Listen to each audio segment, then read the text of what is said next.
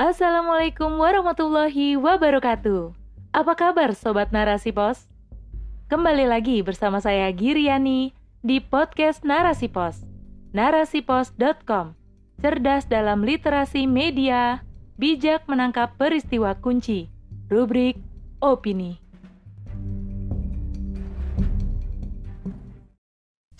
Pajak kembali naik, rakyat kian tercekik oleh Syifa Nurjana.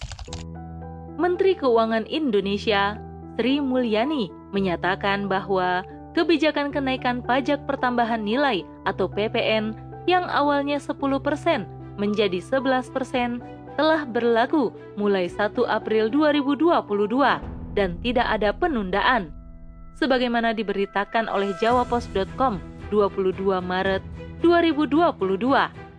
Ia juga mengatakan pada acara webinar Economic Outlook 2022 bahwa kenaikan pajak ini untuk digunakan kembali oleh masyarakat guna menciptakan fondasi pajak yang kuat. Dan hal ini pula dilakukan dalam rangka mengupayakan reformasi perpajakan melalui Undang-Undang Harmonisasi Peraturan Pajak atau UUHP di mana aturan ini disinyalir dapat menyehatkan kembali APBN yang telah bekerja keras selama pandemi. Dalam dua tahun lebih terakhir, Indonesia dihadapkan pada pandemi yang berdampak pada banyak aspek dalam kehidupan masyarakat, terutama aspek ekonomi. Banyak perusahaan yang merumahkan para pekerja dan para pengusaha dibatasi arus geraknya demi mencegah penularan dan meningkatnya kasus angka terinfeksi. Pada tahun 2022 ini, barulah masyarakat mulai menghirup aroma pemulihan dalam sektor ekonomi. Namun, harus mendapatkan kenyataan pemberlakuan pajak dengan tarif baru, ditambah dengan berbagai kenaikan harga dasar kebutuhan lainnya, aspek pangan terutama. Ekonom Kore Peter Abdullah menyatakan bahwa menaikkan PPN di tengah pemulihan ekonomi sekarang ini tidak tepat. Apalagi di tengah inflasi yang meningkat, justru kenaikan PPN ini akan semakin menambah gerak tinggi lajur tren inflasi. Masih dalam laman yang sama, Peter juga mengungkapkan bahwa dengan naiknya PPN di kondisi pemulihan ekonomi pasca pandemi, justru akan menurunkan daya konsumsi masyarakat. Belajar dari Jepang dalam laporan Japan Research Institute, kenaikan tarif PPM akan menaikkan harga barang dan jasa 0,9 persen dan konsumen pengeluarannya akan berkurang sebanyak 0,6 persen. Hal ini juga bukan tidak mungkin terjadi pada Indonesia, di mana kenaikan harga akan berdampak pada turunnya daya beli masyarakat dan pemulihan ekonomi akan tertahan. Faisal Basri, seorang ekonom senior menolak keras terhadap kebijakan pemerintah dalam menaikkan PPN menjadi 11% ini. Pasalnya, sebagaimana yang dikutip dari cnbcindonesia.com, 25 Maret, kenaikan PPN menjadi 11%, sementara pajak penghasilan badan turun dari 25% menjadi 22%. Hal ini tentulah tidak adil bagi masyarakat. Sementara saat ini, masyarakat masih dalam proses pemulihan ekonomi. Tentu, kenaikan pajak ini tidak berpihak kepada masyarakat dan dapat menekan masyarakat yang berupaya untuk bangkit dalam sektor ekonomi.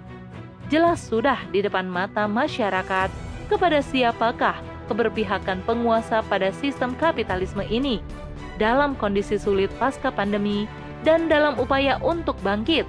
Banyak sekali harga sektor pangan yang dinaikkan dan ditambah lagi dengan kenaikan harga PPN-nya. Kepentingan masyarakat seolah tak digubris. Pernyataan kenaikan untuk masyarakat dan APBN ini seolah-olah hanya omong kosong belaka. Yang banyak masyarakat Indonesia ketahui, justru APBN digunakan untuk perkara-perkara yang tak masyarakat butuhkan, seperti inisiasi dalam membangun sirkuit Formula One, pembangunan IKN baru, yang sejatinya tidak termasuk kepada urgensi untuk dibangun, atau bahkan yang sudah jadi, sirkuit Mandalika yang masih dalam banyak sorotan karena menghabiskan dana selangit. Maka, kepentingan para pemilik modalah yang menjadi aspek penting dalam penggunaan APBN, bukan kepentingan masyarakat. Tak ada yang bisa diharapkan pada sistem kapitalisme hari ini, apalagi berkenaan dengan keberpihakan penguasa terhadap masyarakat. Ketika penguasa mengatakan bahwa setiap adanya kenaikan harga pada satu sektor adalah untuk masyarakat, maka perlu dipertanyakan masyarakat bagian mana yang kemudian mendapatkan keuntungan atas segala kebijakan naiknya harga tersebut.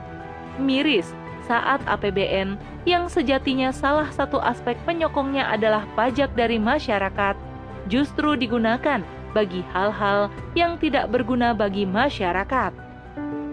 Islam sebagai sebuah ideologi yang terpancar darinya aturan mengatur betul tentang pos-pos APBN ini agar APBN ini tidak menjadi beban umat, namun tetap digunakan untuk kepentingan umat. Sumber penerimaan APBN dalam Islam berada pada Baitul Mal dan sama sekali tidak mengandalkan sektor pajak.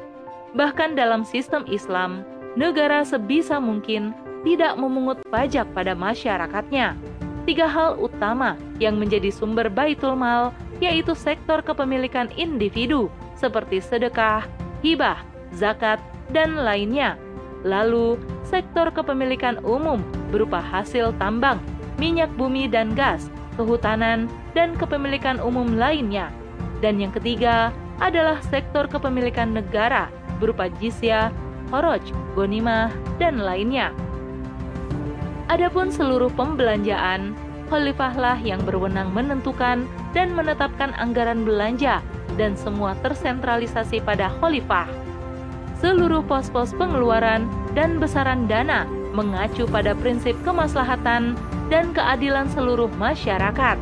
Dan ini sudah tergariskan pada kaidah syara dan berpegang pada surat Al-Hasyr ayat 7 yang artinya apa saja harta rampasan, fa'i yang diberikan Allah kepada Rasulnya dari harta benda yang berasal dari penduduk kota-kota, maka adalah untuk Allah, untuk Rasul, kaum kerabat, anak-anak yatim, orang-orang miskin, dan orang-orang yang dalam perjalanan, supaya harta itu jangan beredar di antara orang-orang kaya saja di antara kamu.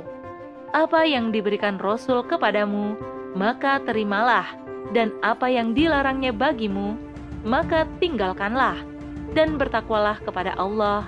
Sesungguhnya Allah amat keras hukumannya.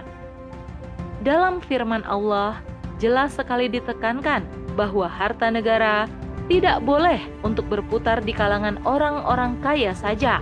Terdapat enam kaidah yang harus dipegang oleh khalifah dalam alokasi anggaran belanja, khusus untuk kas Baitul Mal yang berasal dari zakat. Pengeluarannya diperuntukkan kepada delapan asnaf sebagaimana yang terdapat dalam Al-Quran Surat At-Taubah ayat 60. Pos pembelanjaan wajib dan bersifat tetap dari Baitul Mal diperuntukkan belanja keperluan jihad dan pemenuhan kebutuhan orang-orang fakir dan miskin. Pos pembelanjaan wajib dan bersifat tetap diperuntukkan sebagai kompensasi orang-orang yang telah mencurahkan jasa untuk kepentingan negara seperti hakim, tentara, pegawai negara, dan lainnya.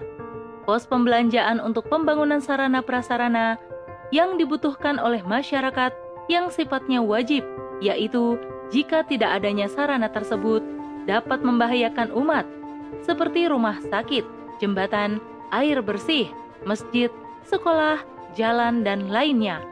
Pos pembelanjaan yang bersifat kondisional, seperti dalam pembelanjaan kebutuhan ketika masyarakat dihadapkan pada musibah, seperti bencana alam, paceklik, pandemi, dan lainnya. Pos pembelanjaan untuk masyarakat, namun sifatnya tidak wajib, yang sifatnya tambahan dan tidak menyebabkan keburukan bagi masyarakat jika sarana tidak ada. Maka, apa yang digariskan dan ditetapkan Islam sangat jauh dari yang terjadi pada hari ini, saat kebutuhan dan kepentingan masyarakat menjadi nomor sekian. Penerapan sistem Islam adalah satu hal yang dirindukan, maka berjuang agar kehidupan Islam kembali adalah sebuah keharusan, karena kembalinya kejayaan Islam adalah keniscayaan. Allahu Akbar. Wallahu a'lam bishawab.